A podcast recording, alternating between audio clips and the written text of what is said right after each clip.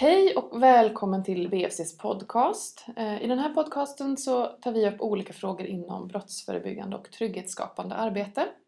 Idag så ska vi fokusera på medling vid brott. Eh, brottsförebyggande Centrum driver medlingsverksamheten i Värmland på uppdrag av ett flertal av länets kommuner. Och idag så är det jag, Beatrice Högå, som är verksamhetschef som är här tillsammans med Kajsa Ernström, samordnare för medlingsverksamheten. Mm. Eh, Kan du berätta, vad är medling vid brott, Kajsa? Medling vid brott är ett frivilligt möte mellan en gärningsperson som har begått ett brott och eh, den som har utsatts för brottet tillsammans med en opartisk medlare. Okej. Vad- du sa gärningsperson och brottsoffer. Är det, kan det vara all, alla gärningspersoner och alla brottsoffer som kan vara med vid medling? I Sverige så har man valt att eh, erbjuda medling till unga gärningspersoner.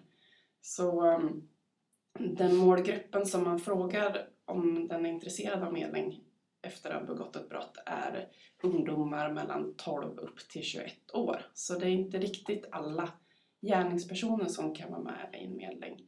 Men när det gäller den som varit utsatt för brott, brottsoffret då, det kan verkligen vara gammal som ung, eh, väldigt olika åldrar. Mm. Eh, Så det kan ju vara en äldre dam som varit utsatt för någonting som är med i en medling.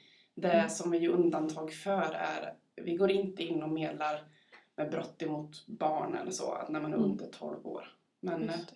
12 år och över kan Mm. brottsoffret vara. Just det. Och då kan det vara i vilka brott som helst egentligen då? Ja, vi brukar säga att man kan medla i de flesta av de här klassiska ungdomsbrotten kan man säga.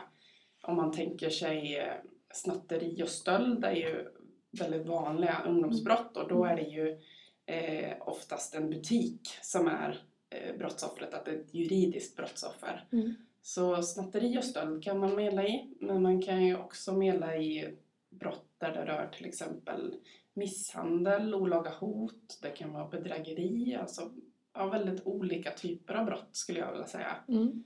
Ehm, det vi gör undantag och inte medlar i är sexualbrott generellt och eh, när det är väldigt känsliga brott inom familjen som brukar vara socialtjänstens bord att hantera kan man Mm. säga. Just det. Så om jag, vi säger att jag är 17 år och har eh, hotat en, en annan elev på min skola. Och så, så, så blir jag anmäld för det här. Vad, vad händer då för att det här ska kunna bli ett medlingsmöte eller medling? Mm. Då är det så att antingen så kommer du som 17-årig ungdom då eh, få frågan om du är intresserad av en kontakt med medlingsverksamheten. Antingen så frågar polisen det vid ett förhör eh, eller så kan det vara så att du får träffa socialtjänsten som också fått kännedom om att du har begått ett brott. Eh, och du får frågan ifrån en socialsekreterare. Eller så finns det också alternativet att du själv har hört talas om att meningsverksamheten finns och tänker ja men det här verkar vara en väldigt bra eh, grej. Jag tror det skulle hjälpa mig att bearbeta det som har hänt och lättare komma vidare. Eh, och då kan man själv ta en kontakt direkt med oss. Så man behöver liksom ingen remiss eller så från någon annan instans utan eh, man kan ta en direktkontakt också eh, om man är brottsoffer och fått höra Mm. känn, fått kännedom om meningsverksamheten. Så det kan komma in ärenden Mm. från lite olika, på olika sätt Mm. till oss.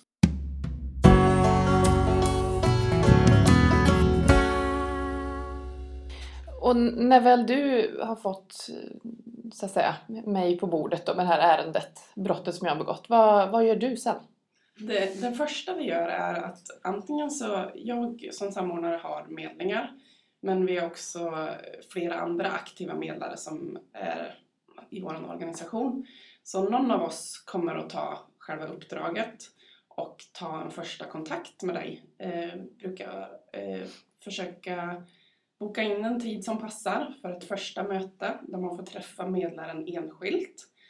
Ehm, och då får man också ta med sig en stödperson, en vuxen om man vill. Men man kan också få komma själv om man tycker det är lättare. Ehm, och då träffar man medlaren för att gå igenom, dels för att få information om hur det går en medling till så att man är väl förberedd när själva medlingen äger rum. Då. Mm. Och du kommer också få ganska mycket frågor så kring brottshändelsen, din upplevelse och dina känslor kring det som har hänt. Vad det har haft för konsekvenser för dig eh, efter brottshändelsen. Men också kring hur tror du att brottsoffret har upplevt det här? Mm. Vad tror du brottsoffret har för frågor till exempel?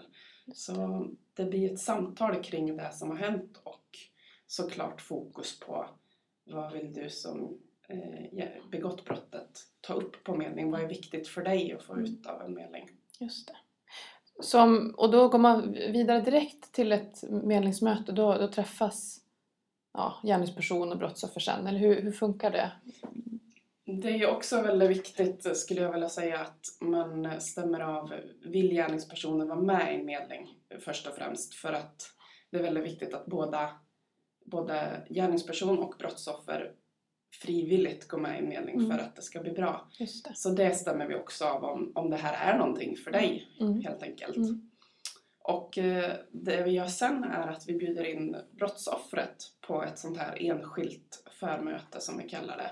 Där brottsoffret får träffa medlaren enskilt Mm. eh, och går igenom ungefär samma sak. Att, eh, hur går en medling till? Vad vill brottsoffret säga på en medling? Vad, vad vill man få ut av en medling? Och vill brottsoffret vara med på en medling, då blir det ett Mm. gemensamt medlingsmöte. Just det. Och hur, hur funkar det då när båda parterna möts, så att säga? Ja, det kan ju också vara så, jag kan nämna det också att när, ibland behövs det flera möten inför en medling Mm. för att man kanske ska orka mötas. För det kan vara ganska tufft kan många tycka Mm. eh, och många är nervösa inför eh, det här mötet. När man träffas, för då är väl en medlare med i det här mötet då, när båda parterna ska ses, eh, både gärningsperson och brottsoffer. Så hur, hur går det till när de Mm. väl sitter i samma rum vid bordet? Precis. Ja, men då brukar det vara ganska tydligt uppgjort så att du ska sitta här, bestämmer medlaren och du ska, brottsoffret ska sitta här. Så att man vet det i förväg.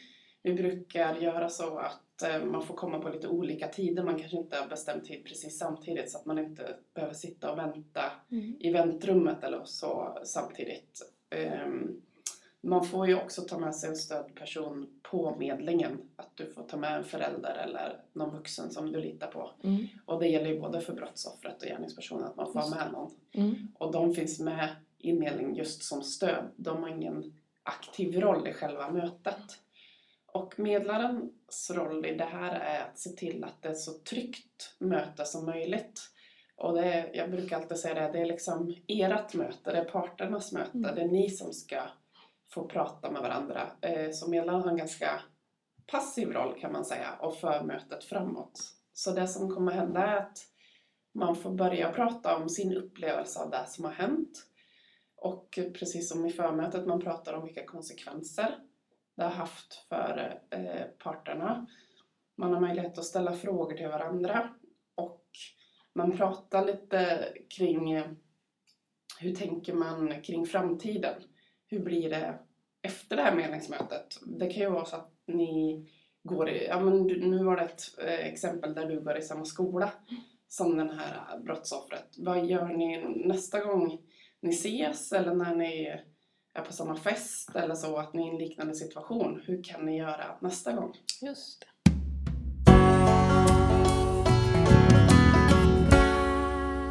Men hur betyder det här att det inte blir någon rättegång eller någonting annat? Alltså vad, vad har medling för roll kopplat till polisen och domstol och sådär? Ja, det är ju så att medling är, kan man säga, en parallell process som löper bredvid rättsprocessen. Eh, och det finns en koppling också till den vanliga rättsprocessen. För är det så att du som gärningsperson är positivt inställd och vill vara med i en medling så brukar, har vi som uppgift att eh, på medlingsverksamheten att återrapportera det till eh, åklagare. Och det kan vara så att det ligger till fördel för dig när det gäller att de tar beslut om åtalsunderlåtelse eller inte. Det.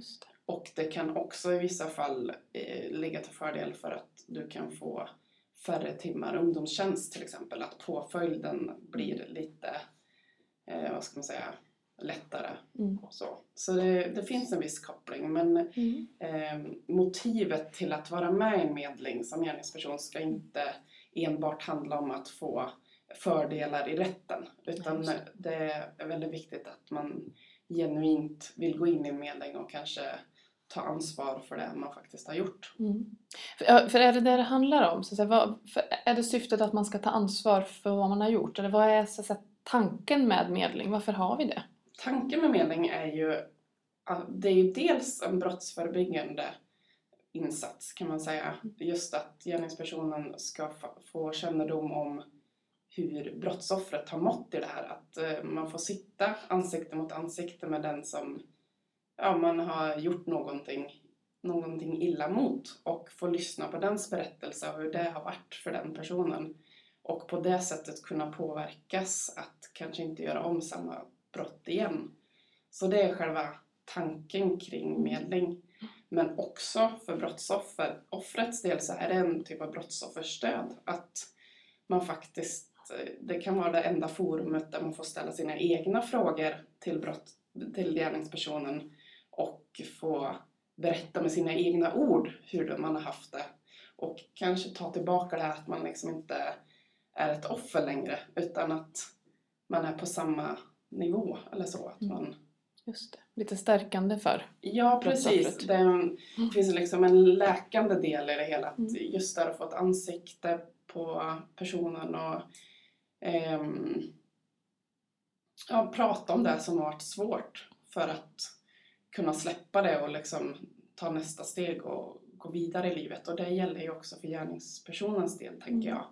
Att eh, det här kan lösa upp många knutar som man har haft. Man går runt och bär på ganska mycket efter en brottshändelse. Mm. Och det kan kännas rätt så skönt att känna att nu har jag i alla fall gjort det bästa av den här situationen. Att jag har gått in i en medling, jag har, man kanske ber om ursäkt. Det kanske inte går att eh, godta en ursäkt för brottsoffret och det är liksom inte syftet att man kanske ska bli bästa vänner. Men man har i alla fall fått framföra att man, fått en, att man förklarar var, varför man har gjort som man har gjort och ja, Mm. kan få fram en, ursäkt eller en förlåtelse. Mm. Vad, fu- fungerar, du nämnde att det ska vara brottsförebyggande och så. Hur, eh, finns det något som stödjer det? Är det brottsförebyggande och är det bra för brottsoffren? Så att säga? Finns det forskning bakom som, som säger att det- är bra med medling så att säga? Ja, när det gäller just brottsofferstödet eller så i, i en medling så har man sett alltså entydigt positiva resultat för brottsoffer eh, som har varit med i medling. Man kan säga generellt att brottsoffer som har varit med i en medling jämfört med brottsoffer som inte varit med i en medling mår mycket bättre. Mm. Man har sett tydliga resultat på att man eh, har minskat hämndbegär gentemot gärningspersonen, man minskad rädsla och minskad stress och oro.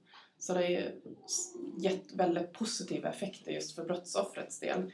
Eh, när det gäller eh, effekter för gärningspersonen och om det verkar brottsförebyggande eller inte så har man säkerställt en, eh, en effekt av att det är brottsförebyggande. Det är en liten effekt men man ser att det, har, att det funkar. Mm. Det man kan säga då är ju också att mm, som många av olika behandlingsmetoder eller metoder inom socialt arbete så är det svårt att säga att den här metoden funkar för alla gärningspersoner. Eh, Det är verkligen så att det funkar för vissa gärningspersoner i, som befinner sig i vissa situationer för det kan ju vara mycket saker runt om som gör att den här personen blir påverkad just nu av den här metoden. Så. Mm. Ehm, Just det. Eh, vi ska ju också säga det, för vi samordnar ju medlingen här och det är ju som sagt på uppdrag av kommunerna och det beror ju på att det är lag för kommunerna sedan några år tillbaka, sedan 2008. Precis. Kunna erbjuda medling vid brott ju. Så det är en rättighet för barn och unga eh, att få frågan. Eh, så om man nu vill få kontakt med oss eller med dig på medlingsverksamheten, har frågor, vad, hur går man tillväga? Ja, då kan man ju Eh, ta en direktkontakt med oss. Eh, antingen kan man eh, mejla till oss på medling bfciv.se eller ringa till mig som samordnare på 0708859196. Men det finns också kontaktuppgifter på vår hemsida bfciv.se. Och jag tänker också, är man intresserad av medling och har kontakt med polis eller socialtjänst så kan ju de såklart också förmedla eh, kontakten till oss. Mm. Så, så ta hjälp av eh, din kontaktperson hos kommunen eller om du har kontakt med polis. Vad bra! Ehm, Då säger jag tack för att du har berättat lite min, mer om medling och varför det är bra som brottsförebyggande metod men också som ett sätt att stärka brottsoffer. Så, så då säger jag tack. Tack själv! Mm.